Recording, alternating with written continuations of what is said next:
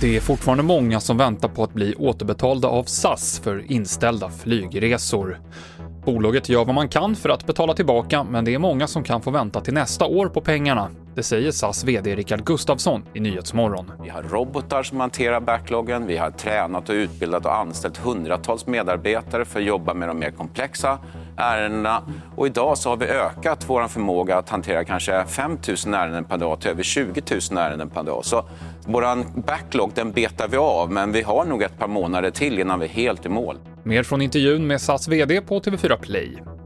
Österrike planerar att masstesta befolkningen för coronaviruset när man i december drar tillbaka de hårda restriktioner som nu gäller. Först ut kommer lärarna vara, men man har beställt 7 miljoner snabbtester så att alla som vill ska kunna testa sig, rapporterar SR. Och idag kan Degerfors bli klart för allsvenskan i fotboll för första gången sedan 1997. Men samlas inte utanför hemmaarenan Stora Valla, eller någon annanstans, för att fira i så fall.